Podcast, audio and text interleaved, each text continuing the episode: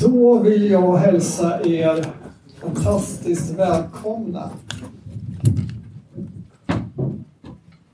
till denna kväll i Saromkyrkan till ett Saron samtalar. Ett samtalsforum främst för Saronkyrkan här att jobba och samtala kring viktiga frågor. Nu ser jag ansikten från andra håll och vi stänger inte ut någon så du som kommer från andra, en annan församling än kyrka, du är också välkommen. Verkligen. Samtidigt som du får förstå att du just nu kommer in då i en kväll där vi samtalar som församling kring en angeläget ämne.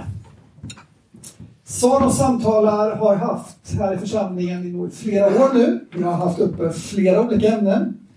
Och eh, så i höstas så sa vi i församlingsledningen att det nu är nog dags att ta upp och samtala om homosexualitet och samkönade relationer.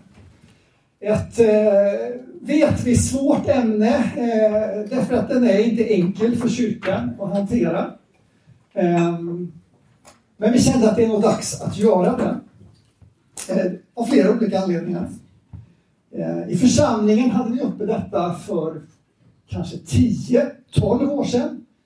Eh, en del av er var med då, men många människor har kommit sedan dess. Och under det samtal som var då i Sarnkyrkan så kom man fram till, eller vi fram till, jag var ju själv inte med då eftersom jag har varit med de sista tre, fyra åren. Några förhållningssätt kring detta med homosexualitet och samkönade relationer. Eh, förhållningssättet handlade om medlemskap, det handlade om eh, ledarskap och om vigsel. Eh, det tydliggjordes då att eh, medlemskapet i Sarnkyrkan är öppet för människor som lever i en samkönad relation. Eh, det tydliggjordes också att när det gäller ledarskap så finns det en slags gräns där det är inte möjligt att vara ledare för ett större ansvarsområde i församlingen. Och så tydliggjordes det att församlingens pastorer viger män och kvinnor. Sen har åren gått och som sagt var människor har kommit och kanske också gått i församlingen.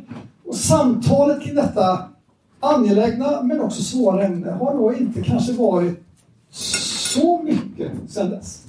Det innebär ju inte utan att det här ämnet har pratats om, kanske lite mer under ytan. Saker som har varit osäkra och som inte har... Människor som har kommit och undrat och vad gäller kring det här och hur tänker vi och sådär. Och allt det här har lett fram till att vi tycker att nej, men det är alltid dags att prata om detta igen tillsammans. Och i församlingsledningen så, så formulerade vi några frågor i höstas där vi sa det här skulle vi nog behöva ta med oss in i ett sånt här samtal i församlingen. Och den första frågan handlade om helt enkelt hur läser vi? Hur tolkar vi? Hur förstår vi Bibeln kring detta? Vad säger Bibeln om att leva i trogna samkönade relationer?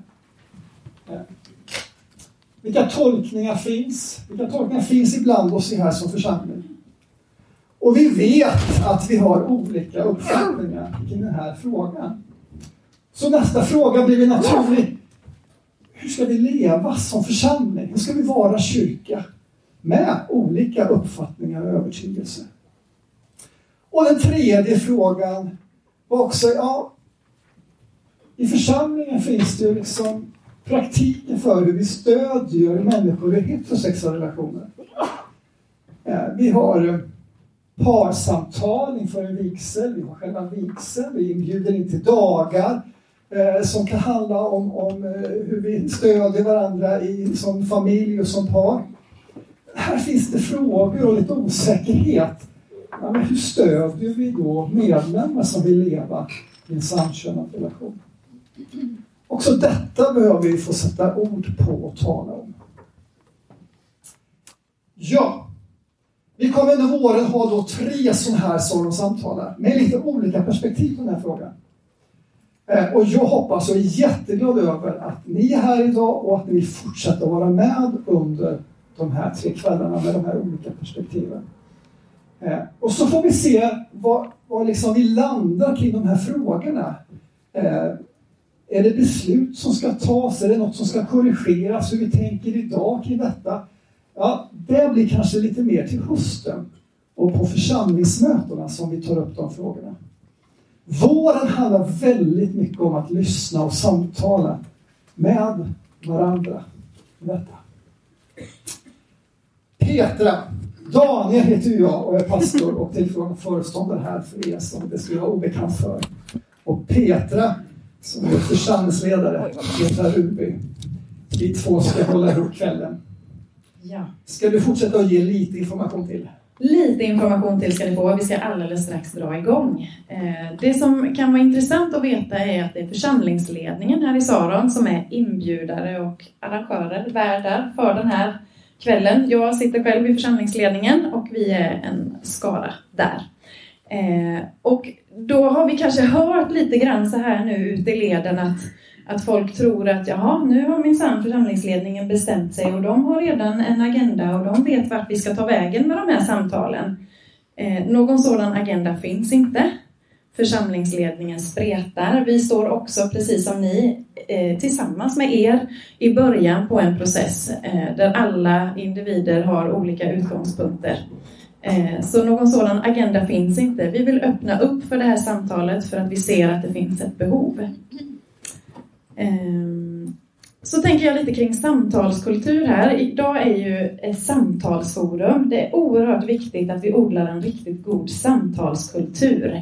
Eh, för inget blir bra om vi inte möter varandra på ett respektfullt och nyfiket sätt i samtalet. Och det är vad vi hoppas på ikväll och tänker att det är det vi sätter upp lite ramar för här nu i början. Att tänka att ett nyfiket förhållningssätt på vad din granne tänker. Hmm, så tänker du? Ja, jag tänker så här. Jaha. Och sen kanske man flyttar sig under kvällen, eller också gör man det inte i sin tanke eller sin åsikt. Men vi tror att det gör någonting att man bryts mot någon annan, så får inse att ja, alla tänker inte precis som jag. Eh, för så är det ju ganska ofta, även om det är lätt att tro att man själv är utgångspunkten. Vi tänker också att det är väldigt viktigt i de här samtalen runt borden att man får provtänka. Alltså, man behöver inte vara världsbäst på att formulera en perfekt analys eller sammanfattning av någonting, utan man får prova och tänka att skulle det kunna vara så här att? Eller jag tänker att det kanske kan vara så här. Genast så öppnar man upp för att det kan bli ett givande och tagande i dialogen och det vill vi verkligen uppmuntra till ikväll. Okej, okay. men hörni, nu ska vi försöka komma igång och vi har ju inte minst fyra gäster med oss här ikväll. Och sen så har vi Niklas Öjebrant och Björn Cedersjö. Niklas Öjebrant, jag sa båda de här kan man kalla teolog, pastor och författare. Sen tyckte de att ja, jag är ju pastor fast jag jobbar kanske inte precis som pastor. Så Niklas han presenterar sig gärna som söndagsskollärare i första hand. Eh, och engagerar sig mycket i barn och unga, lägerverksamhet och, och det är det som hjärtat klappar extra för. Eh, och Björn är ju pensionär, ganska nybliven sådan. Eh, och har hållit till en hel del på Örebro teologiska och även i Sveriges kristna råd och har jobbat mycket med att undervisa i etik, kristen etik. Eh, de är båda föräldrar till ett antal barn var. Ja, så då lämnar vi väl över, eller vill du säga något mer? Sa jag att jag tyckte att det var fantastiskt roligt att ni är här? Va? Ja, men det är ju självklart. Jag säger det igen, jag tycker verkligen det. Jätteroligt och viktigt att vi, eh, att vi ägnar kvällen tillsammans här. Och jag skulle vilja att vi bara fick lägga den och bjuda in Guds ande att, att vara här.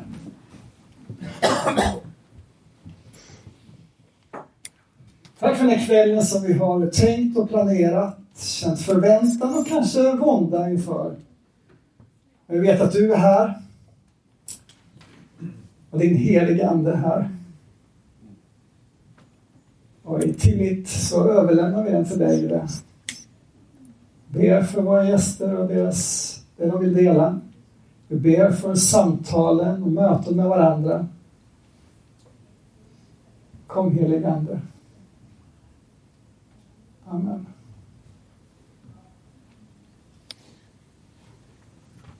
Då kör vi igång.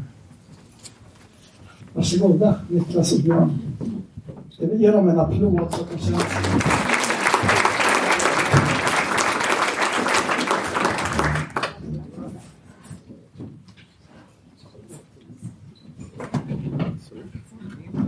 Hej alla och tack för välkomnandet, möjligheten att få möta er här ikväll. Det är jag som är Björn Cedersjö. Och jag är Niklas Öjebrandt.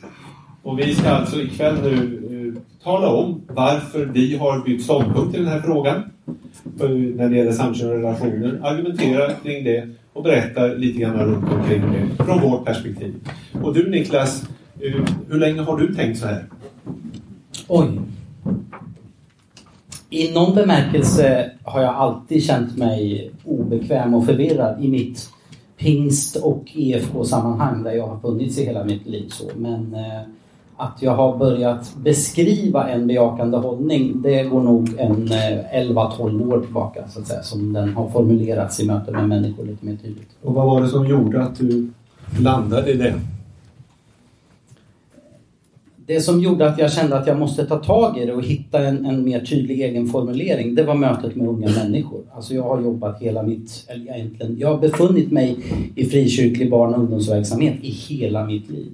Eh, och som ledare sedan jag var 15 år. Och eh, i mitt möte med unga människor de sista 20 åren så har det blivit uppenbart för mig att det är någonting i samtalet kring sexualetik i stora men specifikt i mötet med hbtq-frågor och homosexualitet som jag känner vi, vi når inte fram, vi talar om varandra, vi förstår inte varandra. Det här håller på att bli obegripligt för en hel generation. Eh, och det ledde fram till en bearbetning som ledde fram till eh, att jag tror att vi behöver ompröva en del av vår, våra hållningar. Inte allt, en del. Mm. Och i mitt fall så är det ju så att jag som ung pastor på Högskolan i Örebro 1980 första gången mötte frågorna om homosexualitet och kristen tro. Och jag visste inte mycket om det hela, men jag försökte sätta mig in i frågorna då och eh, landade i en traditionell hållning. Det var det som jag tyckte verkade rimligast i det sammanhanget. Och sen blev jag ju lärare då på Missionsskola och med tiden blev jag etiklärare och jag har då under mina år som etiklärare försökt att eh, eh, också tala om den här frågan i undervisningen, samtalen. Försökt att eh, ge en bred bild så gott jag har kunnat kring eh, både teologi och eh, andra fakta runt omkring frågan om homosexualitet och eh, kristen tro.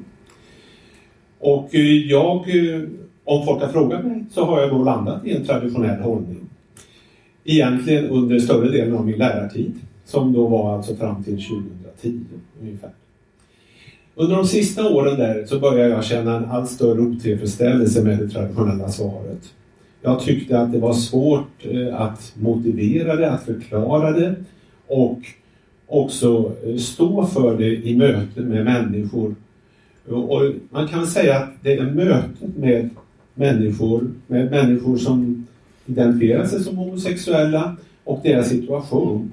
Och när jag kommit närmare det så har det lett till en omprövning i min situation. Och det andra skälet för mig som har varit viktigt det är, ligger lite med vad Niklas också säger. Alltså jag uppfattar att den traditionella synen på eh, homosexualitet är ett hinder för många människor att komma till tro. Alltså frågan, jag förstår inte, man förstår inte varför inte den kärlek som representeras i det här fallet skulle duga. Duger inte min kärlek, ställer folk frågan till mig. Och om den inte duger, så varför ska jag då vara intresserad av kristen tro? Så det är också ett viktigt skäl för mig. Så eh, jag var tyst några år och nu för några år sedan så när vi skulle skriva boken Välkomna varandra så blev jag tillfrågad att vara med. Och då kände jag, ja nu är det dags för mig att ta till orda i den här frågan och faktiskt också argumentera för en bejakande hållning. Så på den punkten har jag ändrat mig. Och jag ska berätta lite mer om det senare. Nu ska Niklas få ta det först. Tack.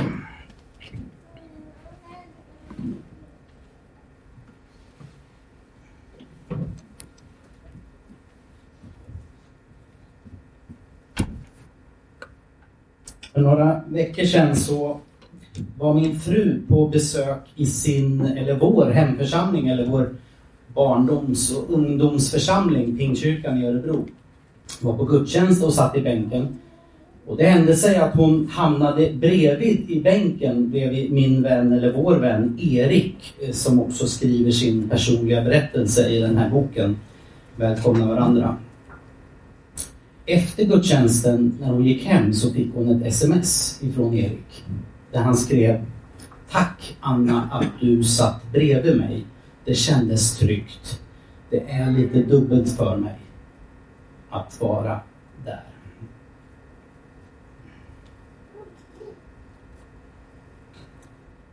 Den där mötet som den där lilla smset är för mig egentligen det räcker nästan för mig för att beskriva någonting skaver i min liksom kyrkas teologi, i vårt sätt att bygga Guds rike. Jag har ägnat hela mitt liv åt att försöka bygga Guds rike som en plats där barn och unga ska känna sig välkomnade och trygga och älskade och famnade så.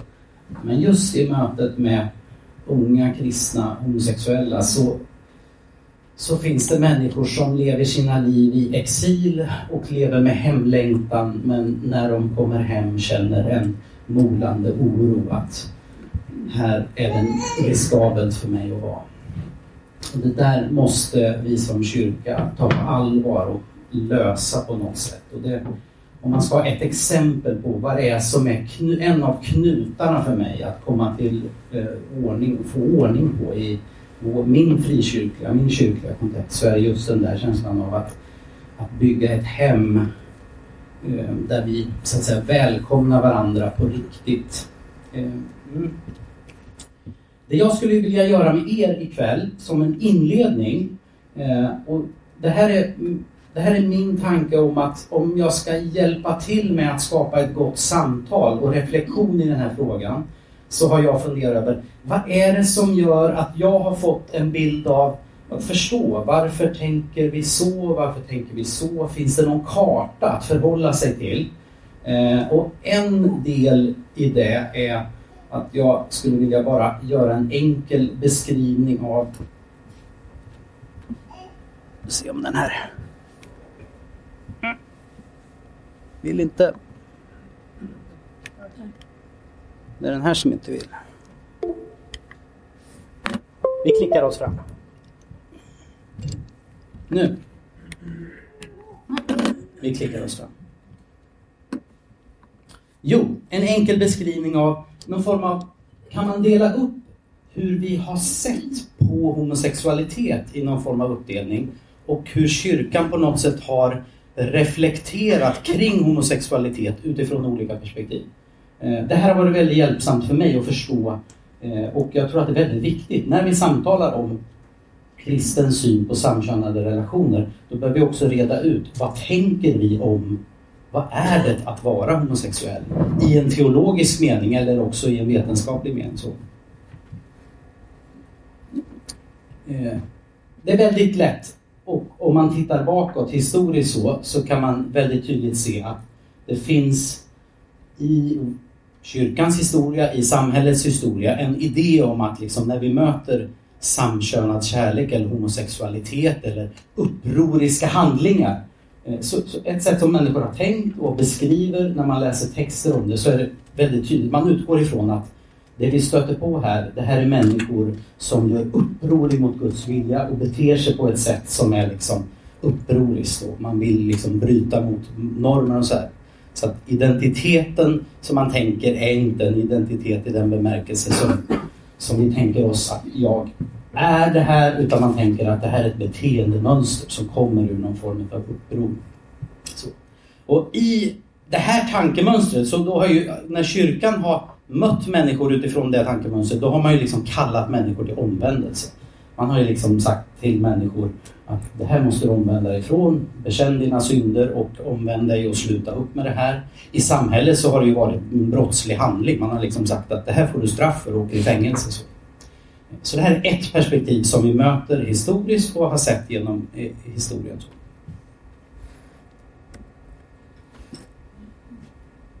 Ett annat perspektiv som man kan möta eh, är när man liksom förändrar, nyanserar det lite.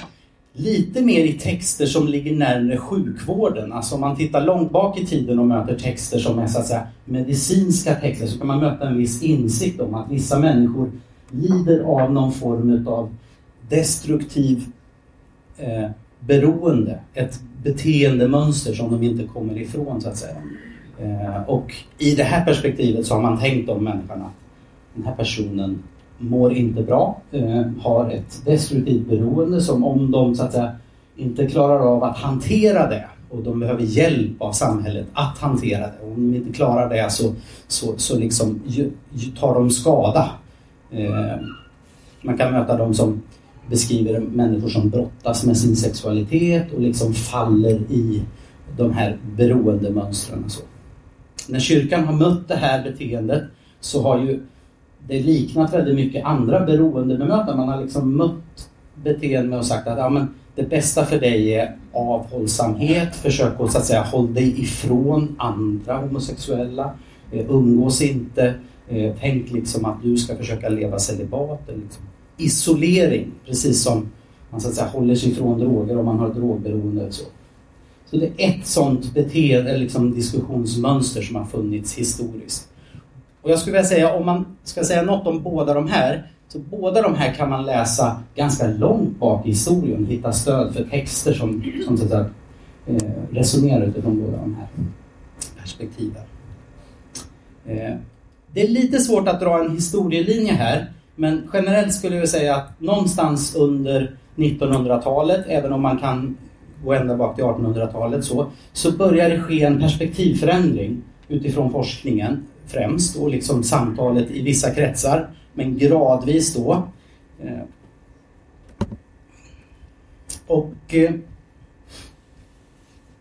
i och med ny forskning och nytt sätt att möta det här så börjar man liksom analysera identiteten mer utifrån att amen, det här liknar inte egentligen ett destruktivt i identiteten. Alltså personerna framstår liksom inte som sjuka i den bemärkelsen att de behöver liksom värja sig från det här utan man börjar mer använda tankemönstret kring brustenhet. Alltså man är en, har en avvikande identitet på något sätt så att säga men det är inte en, inte en destruktiv brustenhet eller ett beroende egentligen så utan mer. Det här är en väldigt tydlig sån eh, perspektivförändring som ju forskningen ligger till grund för. Där det på något sätt sett att ja, men det här är inte individer som egentligen far illa eller mår dåligt av att vara det de är i sin identitet. Så. Eh, men, och när kyrkan möter det här så anammar man ett tänk som finns kring andra delar av att vi man resonerar kring att okej, okay, vi lever i en fallen skapelse och vissa människor att säga, vi är inte perfekta som individer och det finns en, en variation av, eh, av liksom mänskliga brister och tillkortakommanden i våra identiteter. Och det gör att eh, vi behöver börja möta de här människorna på ett lite annat sätt. Det blir inte det här avvisande och försöka gömma undan, tysta ner eller hålla sig ifrån utan oj då, vi måste börja se och bekräfta och, och liksom lyfta det här som okej, okay, det här är din identitet. Eh, men man är fortfarande, fortfarande en, en, liksom en idé om att det, här, det är en trasighet någonstans så att, det, att, att fullt ut bejaka liksom är inte riktigt eh, möjligt. så. Eh, inom ramen för det här så skulle jag säga, där kan man möta ganska intressanta diskussioner där folk liksom landar i, okej, okay, begreppet anpassning är intressant så att säga.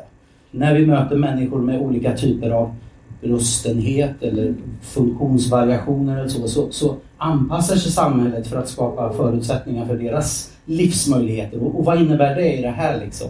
Är, är, är bejakande av samkönade relationer ett säga, bättre än alternativet så att vi kan liksom börja Där finns en sån diskussion.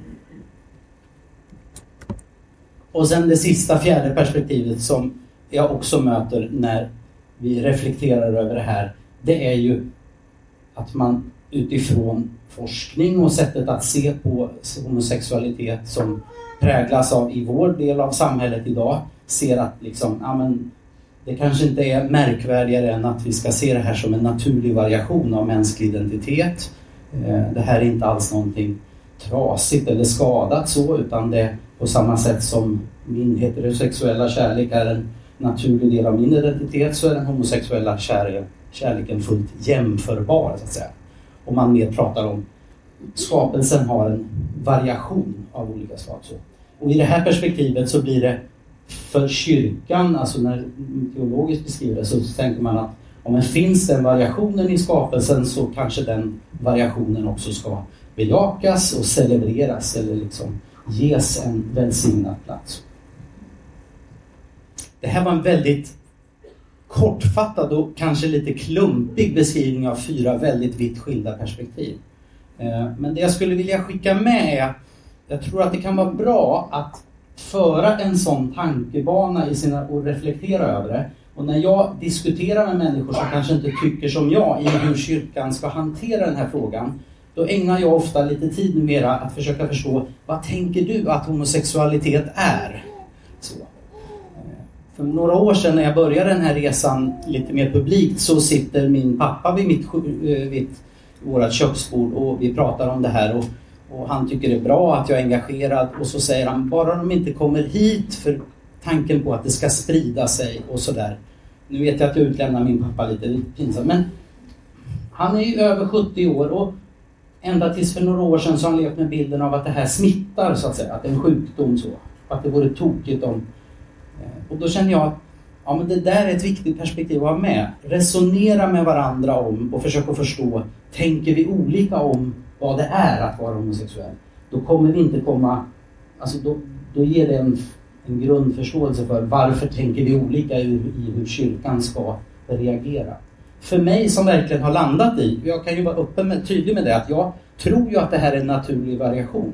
Jag tror ju att Gud har skapat tillvaron så att världen inte är helt fyrkantig vad det gäller kön och sexualitet i sin skapelseform. Jag tror verkligen inte det. Och det gör ju att för mig blir det ju naturligt att bejaka. Alltså det är det som är grunden. Så. Om, man, om man tror annorlunda om än mig i det. Jag har enorm respekt för dem som... Alltså om jag har fel på den punkten då inser jag att då har jag förmodligen fel i, i vissa tillämpningar av det så att säga. Så att det här är en viktig del att fundera över.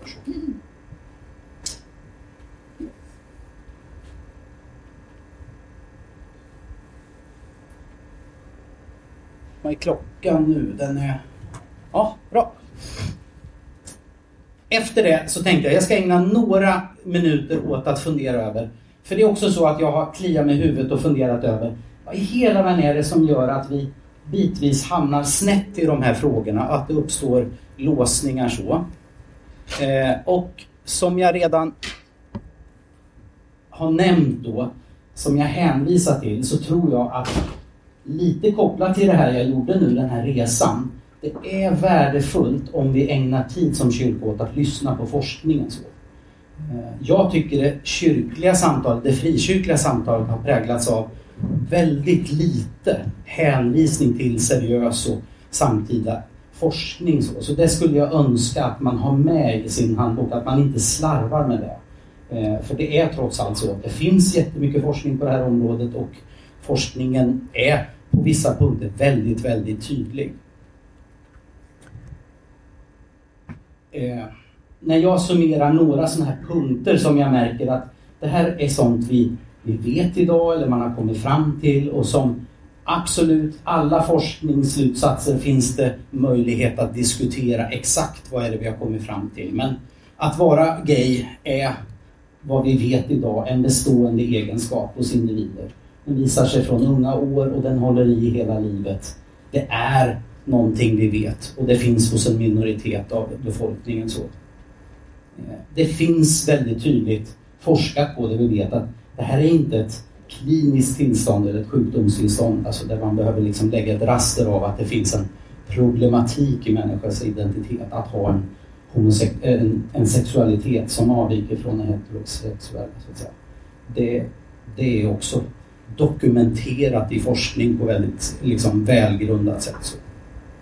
Eh, det här nästa statement är lite mer liksom ett luddigt, inte kanske så vetenskapligt så att säga, men, men som jag ändå tycker att vår erfarenhet i en tid där samkönade relationer har blivit publika och synliga i vår vardag. Så vi lever ju med vänner och grannar och bekanta som lever i familjer av samkönade karaktärer. Så. Regnbågsfamiljer av alla sorter. Och, alltså, det vi ser och blir mer och mer medvetna om att det här det är samma beteende, det är samma livsmönster. Samkönad kärlek tar sig uttryck i samma typ av liv i familj, föräldraskap, liv tillsammans och så.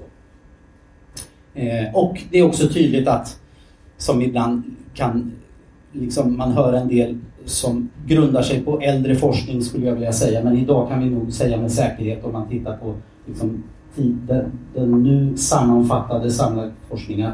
Det här är en verklighet att människor är homosexuella eller har vissa, vissa typer av hbtq-identiteter. Det är en bestående del, alltså en, en, del av befolkningen som består över tid. Det verkar inte ske någon sån här ökning eller minskning i olika kulturer. Det verkar liksom finnas över hela jorden i samma liksom mängder. Så.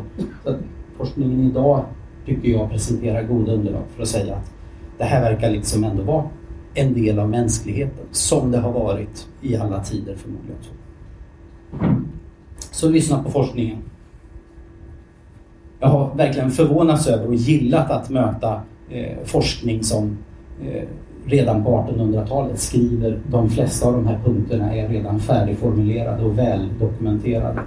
Eh, men av olika anledningar så har liksom den tidiga forskningen blivit bortglömd, uppbränd av nazister och lite såna grejer de tyska forskarna i början på 1900-talet hade kommit väldigt långt. Evelyn Hooker tycker jag är en person man ska bekanta sig med och läsa berättelsen om hennes forskning. tycker jag är jätteintressant. Som på något sätt ändå är den som ligger till grund för att de psykologiska organisationerna under 70-talet och i Sverige då 79-80 tar beslutet att det här är inte ett sjukdomstillstånd.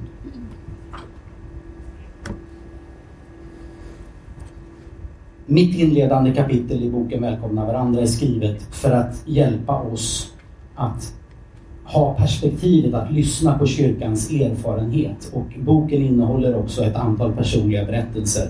Och vi kommer få höra en personlig berättelse här. Alltså kyrkan behöver lyssna på vår erfarenhet av att den traditionella bemötandet av hbtq-individer och homosexuella det har lett människor in i garderober, hemlighetsmakeri och en osund tystnad. Vi har mött människor som har levt med missmod, modlöshet, depression. Det finns siffror på självmordsstatistik som är alarmerande i vår historia. Så. Eh, begreppet exil, hemlängtan, organisationen Exodus International som jag tycker man behöver fundera över hur kan en så stor organisation lägga ner så fort och säga vi har haft fel? Eh, det, det är erfarenheter som vi som kyrka har som vi behöver fundera över.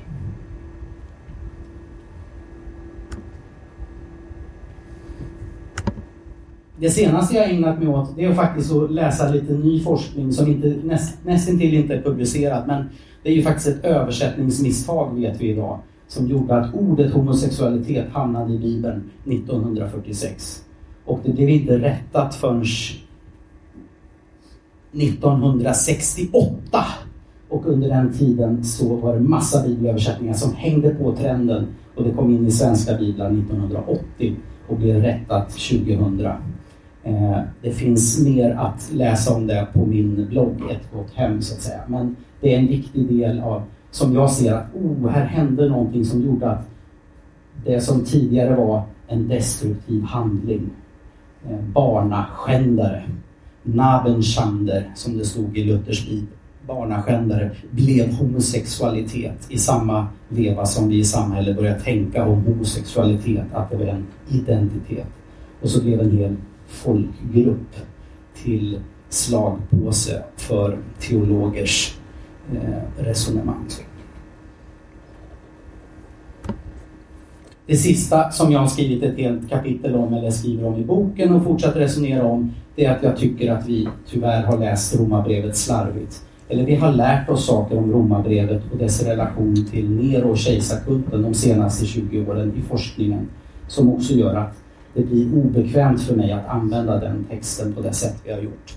Eh, så här skriver N.T. Wright som ju är en, en teolog de av oss som har läst Romarbrevet, skrivit artiklar, gett föreläsningar, predikat, skrivit böcker om Romarbrevet i många år må vara förlåtna om vi kliar oss i huvudet av förvirring. De flesta kommentarer över Romarbrevets första 17 verser påstår att det är en tematisk introduktion till brevet i sin helhet. Ingen som jag känner, inte jag heller, har föreslagit att kapitlet måste ha mottagits i Rom och att Paulus menade att tolka det som en parodi på kejsarkulten. Och sen fortsätter hela det första kapitlet i, i den tonen så att säga. Så det här är en avgörande förändring för mig i liksom hur, jag, hur jag värderar Paulus ganska kärva ord emot samkönad sex i någon form av miljö. När jag på något sätt idag vet att Romars, Roms värsta kejsare hängde i kulissen kring den här texten. Så att de första läsarna associerade det till honom. Och då blir det inte lika lätt för mig att göra den till en allmän text för kristen syn på samkönad kärlek.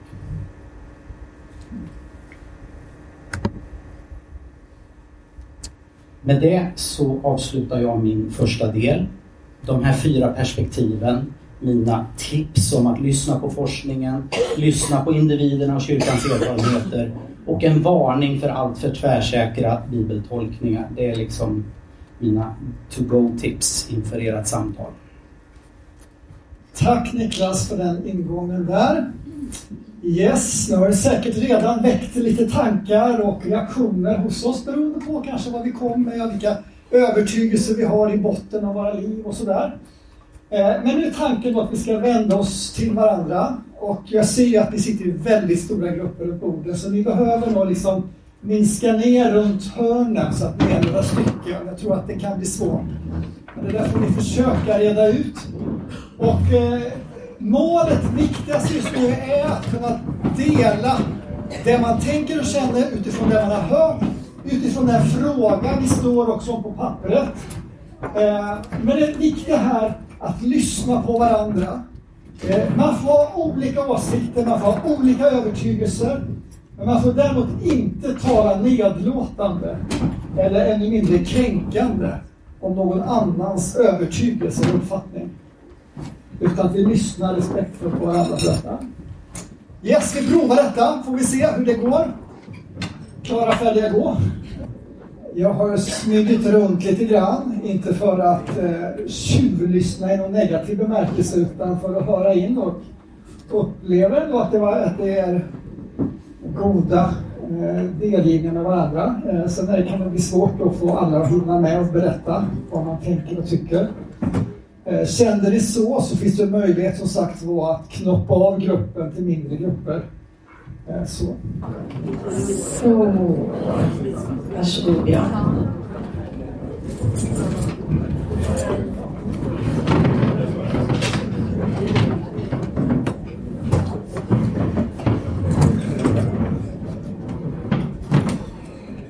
Vår uppgift här ikväll eh, är ju att förklara sätt att resonera kring ett bejakande av samkönade relationer. Och eh, jag har ju alltså varit etiklärare nu i väldigt många år och det innebär ju att man också lär sig ett sätt att fundera och reflektera när det gäller att ta ställning i olika etiska frågor. Jag har haft ett antal studenter genom åren som har skrivit uppsatser om olika etiska tillämpningsområden där vi har försökt utgå från en viss, ett sätt att nalkas sådana här frågor. Och då tänker jag mig att det handlar om att man definierar vad är det som är problemet. Sen tar man fram fakta, erfarenheter och så från forskning och från människors erfarenheter kring den här frågan. Man ger en historisk återblick. Hur har frågan diskuterats tidigare? Och så, så försöker man skriva fram argumenten för och emot det, det, den problemformulering som man då sätter upp. Så diskuterar man och så drar man sin slutsats systematiskt sätt att jobba med det hela och det har jag också gjort nu själv kring den här frågan då, utifrån de artiklar jag skrev i somras i dagen när jag kom ut tydligt och argumenterar för ett, ett ja till samkönade relationer.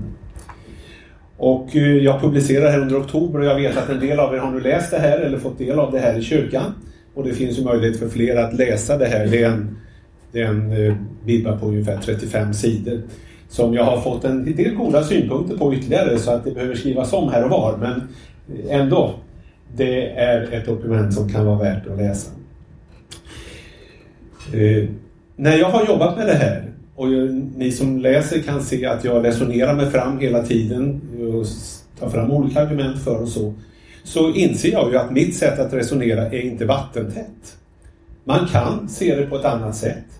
Och jag har ju själv stått för en hållning under 25 år där jag har stått för en mer traditionellt synsätt. Och jag inser att det är också ett möjligt sätt att argumentera. Så när jag nu säger att jag menar att ja-argumenten är starkare så är det med respekt för den som har en annan åsikt och som landar i en annan slutsats eh, och som har en annan erfarenhet. Men för mig har det landat i att jag när jag resonerar tycker att argumenten för ett ja är starkare.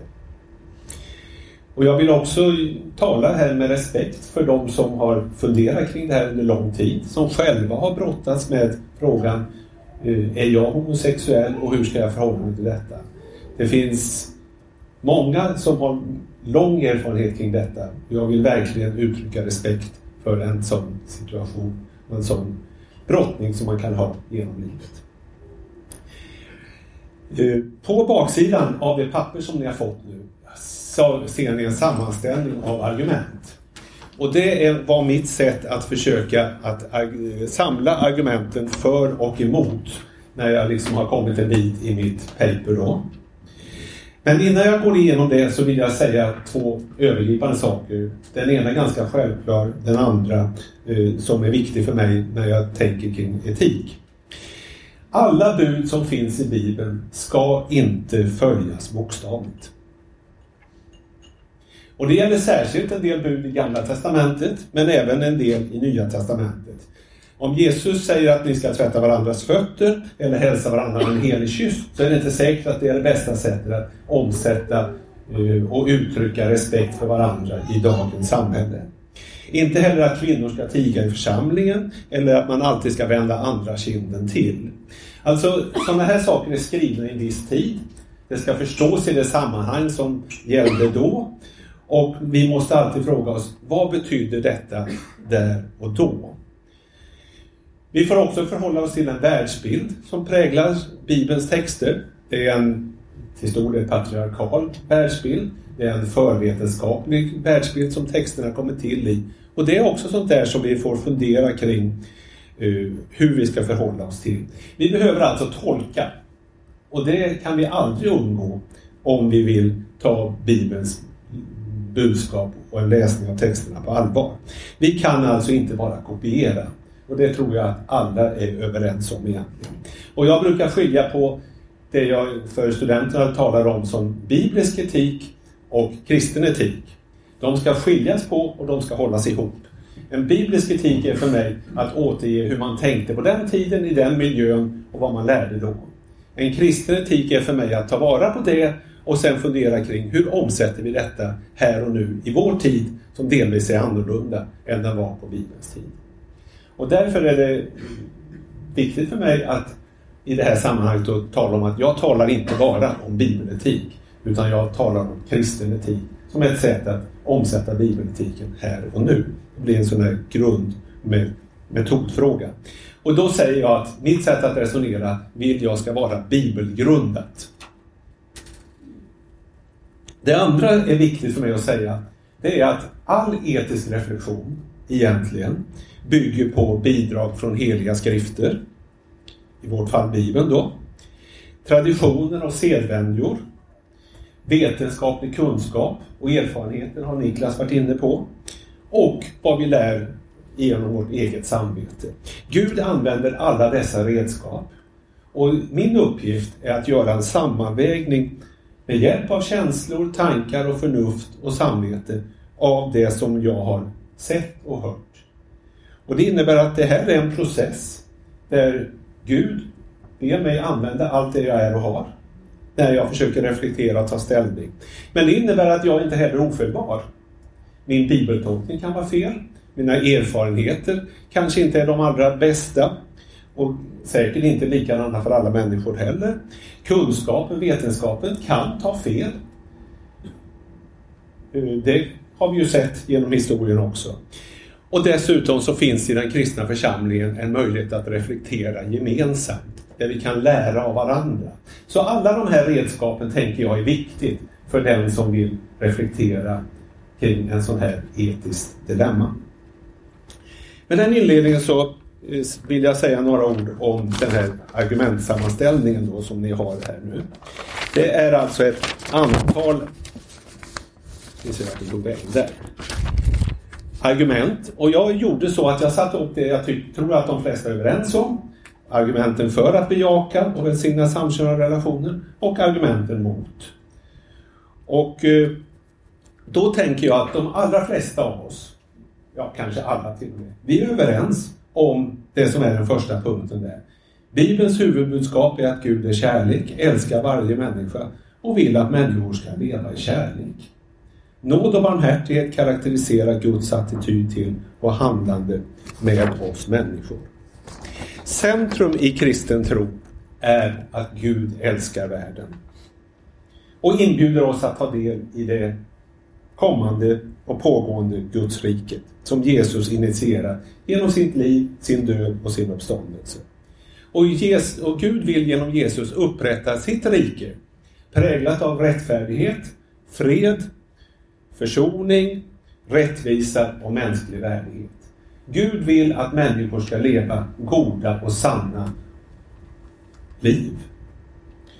Det är utgångspunkten. Och när Jesus talar om Guds rike, och det gör han jättemycket, så hämtar han mycket av inspirationen för vad detta betyder från Gamla Testamentets profeter som handlar om Guds vilja till rättvisa, fred, barmhärtighet möjligheter till mänsklig värdighet. Och när jag talar om kärlek så kan det inte vara vad som helst. Kärlek är för mig det som har med Jesus att göra, Jesu attityd, Jesu hållning och till den bild av Gud och vad Gud vill som jag har lärt känna. Både i Gamla Testamentet och Nya Testamentet. Där det handlar om rättvisa, fred, försoning, kärlek. Och då utgår vi alla från också att människan är ovillkorligt älskad av Gud. Och då är det avgörande, vad främjar då människors välgång? Människors goda liv?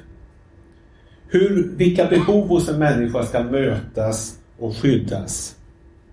Då handlar det just om de här viktiga sakerna som jag nämnde här. Eller som det står i Mika bok i Gamla Testamentet profeten, Gamla Testamentet, där det i kapitel 6 och 8 sägs så här. Människa, du har fått veta vad det goda är.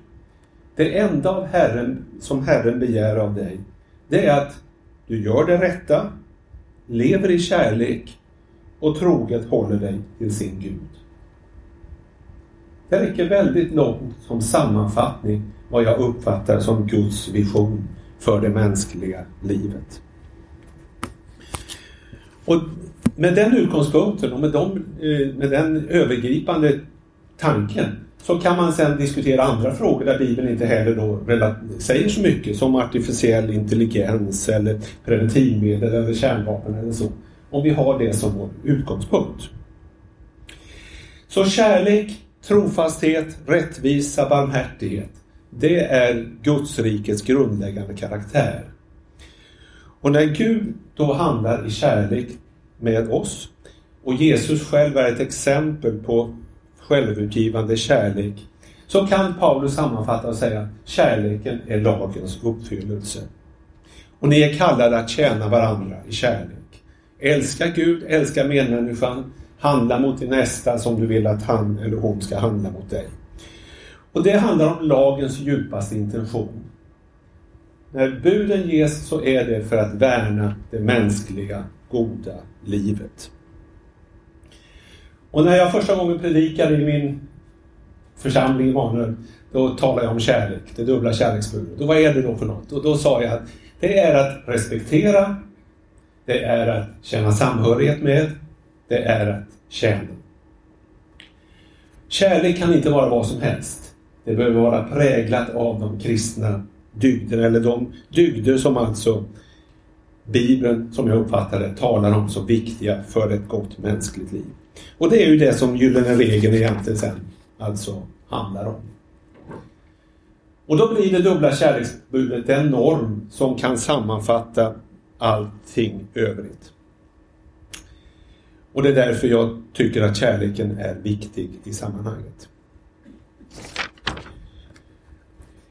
Så har ni ett antal nej-argument här. Eh, och det är det här som brukar anföras och som vi kommer att få höra från Stefan Gustafsson då om en månad. Det finns något som kallas för skapelseordning som talar om manligt och kvinnligt och inget annat. Och äktenskapet mellan en man och en kvinna är enligt Bibeln den enda platsen för sexuell samlevnad. När det i bibeltexterna talas om män som ligger med män är det alltid i negativa sammanhang, alternativt förbjuds. Och eh, celibat, avhållsamhet är kallelsen den som inte lever i äktenskap. De eh, fördjupar man inte i nu, utan de kommer Stefan säkert att gå med om. En viktig punkt för mig är den här diskussionen om den så kallade skapelseordningen. Jag har eh, respekt för att det finns ordningar i skapelsen. Men jag har också insett att det finns ganska mycket som förs in under det som kallas för skapelseordningen. Här har det talats om kvinnors underordning. Här har det talats om kung och underordning under överhet. Här har det talats om slaveri som en del av skapelseordningen. Här har det talats om att kvinnor kan inte bli präster eller bli församlingsledare.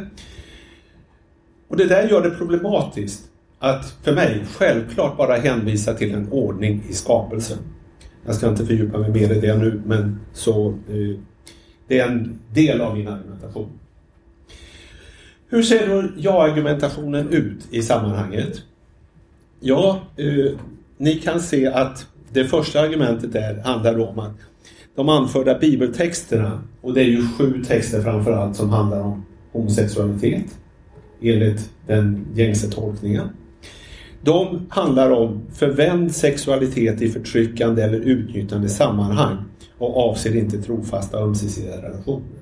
Det har varit det som har varit argumenten som jag har fått till mig motargumenten när jag har stått för en traditionell hållning. Jag är inte riktigt övertygad på den här punkten. Och här är Niklas mer övertygad om Romarbrevet 1 än vad jag är när det gäller hur det ska förstås. Eh, jag eh, kan inte riktigt avgöra vad som är den riktiga tolkningen där. Och jag eh, bygger inte mitt resonemang huvudsakligen på det. Jag håller mig lite öppen inför hur Romarbrevet 1 och de andra texterna ska förstås om det handlar om homosexualitet i allmänhet eller om det handlar om förvänd homosexualitet. Det vore väldigt enkelt, eller enklare i alla fall, att säga att det här är texter som handlar om eh, förvänd sexualitet. Eh, och det är möjligt att det är så. Jag vet inte riktigt säkert på den punkten. Sju bibeltexter. Kan du dem på rakan, Niklas? Sodomstexten och så två lagtexter i Gamla Testamentet i, i Tredje Mosebok. Och sen är det ju en text i Romarbrevet och sen är det första kor 6 och 9 och så är det första Tim. Ja. Det finns en artikel i boken Välkomna varandra där jag går igenom Just det. När jag har resonerat nu och kommit fram till eh, att jag menar att ja-argumenten är tyngre så bygger de väldigt mycket på dels ett, en problematisering av den här hänvisningen till skapelseordningen. Att det här med manligt och kvinnligt är den enda eh, mallen vi har att utgå från. Och det ser ni där i det femte argumentet eh, på ja-sidan. Eh, att det är riskabelt. Men, men framförallt så resonerar jag som att eh, kärleken är överordnat alla andra regler. Den kärlek som alltså är preciseras då i Jesu likhet och i de här dygderna och karaktäristika som jag talade om tidigare. Eh, budet, det är mitt andra argument. Budet om att älska är alltså överordnat alla andra bud. Och skulle det uppstå en motsättning mellan dem och, alla, och andra bud, då gäller kärleksbudet. Och det är väl där som jag skiljer mig lite från den som då har en traditionell hållning. Som menar att en sån motsättning kan inte uppstå i princip. Och min erfarenhet är att det kan den visst. Och du har typ ett exempel hur Jesus förhåller sig till sabbatsbudet. Ni vet den här gången när eh, lärjungarna var hungriga och så plockade de ax på sabbaten, vilket ju var förbudet enligt judisk syn. Då säger Jesus att det får de visst göra, för de är hungriga, de behöver mat. Eller om man ska rädda en oxe ur en, eh, ur en brunn på en sabbatsdag. Det är för det goda som ska ske. Och då är det viktigt att se att viljan till godhet, viljan till kärlek och omtanke om människans bästa går utöver, i vissa lägen, uppfyllelsen av ett visst bud som annars är rimligt och bra. Så det är min grundhållning till det hela. I varje situation behöver jag som ansvarig människa, som kristen, pröva vad är det goda och sanna som uppnås i denna situation.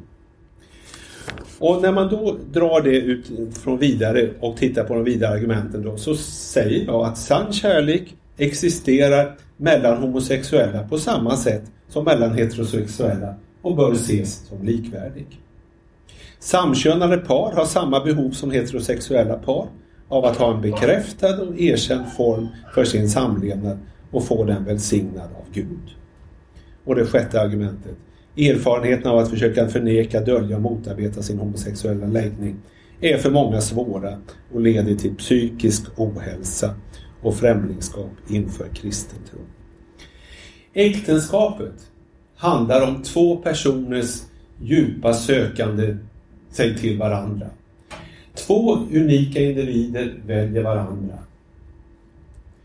Och om de har samma kön eller olika kön, det är för mig inte den avgörande saken. Utan den avgörande saken är, vill de leva samman? Vill de forma ett äktenskap? Vill de bygga en relation tillsammans inför Kristus? Och eh, med inriktning att vara livsvaraktigt och eh, troget. Då menar jag att då är det rimligt att en kristen församling bejakar deras kärlek. Därför att den är inte annorlunda än den mellan heterosexuella människor. Och eh, också är beredd att välsigna deras relation. Därför att man på så sätt uttrycker ett stöd, en vilja att känna dig hemma här i vår gemenskap det uttrycker äktenskapets djupaste syfte, gemenskap, överlåtelse, tjänst och sexuell gemenskap. Det speglar Guds goda vilja för skapelsen.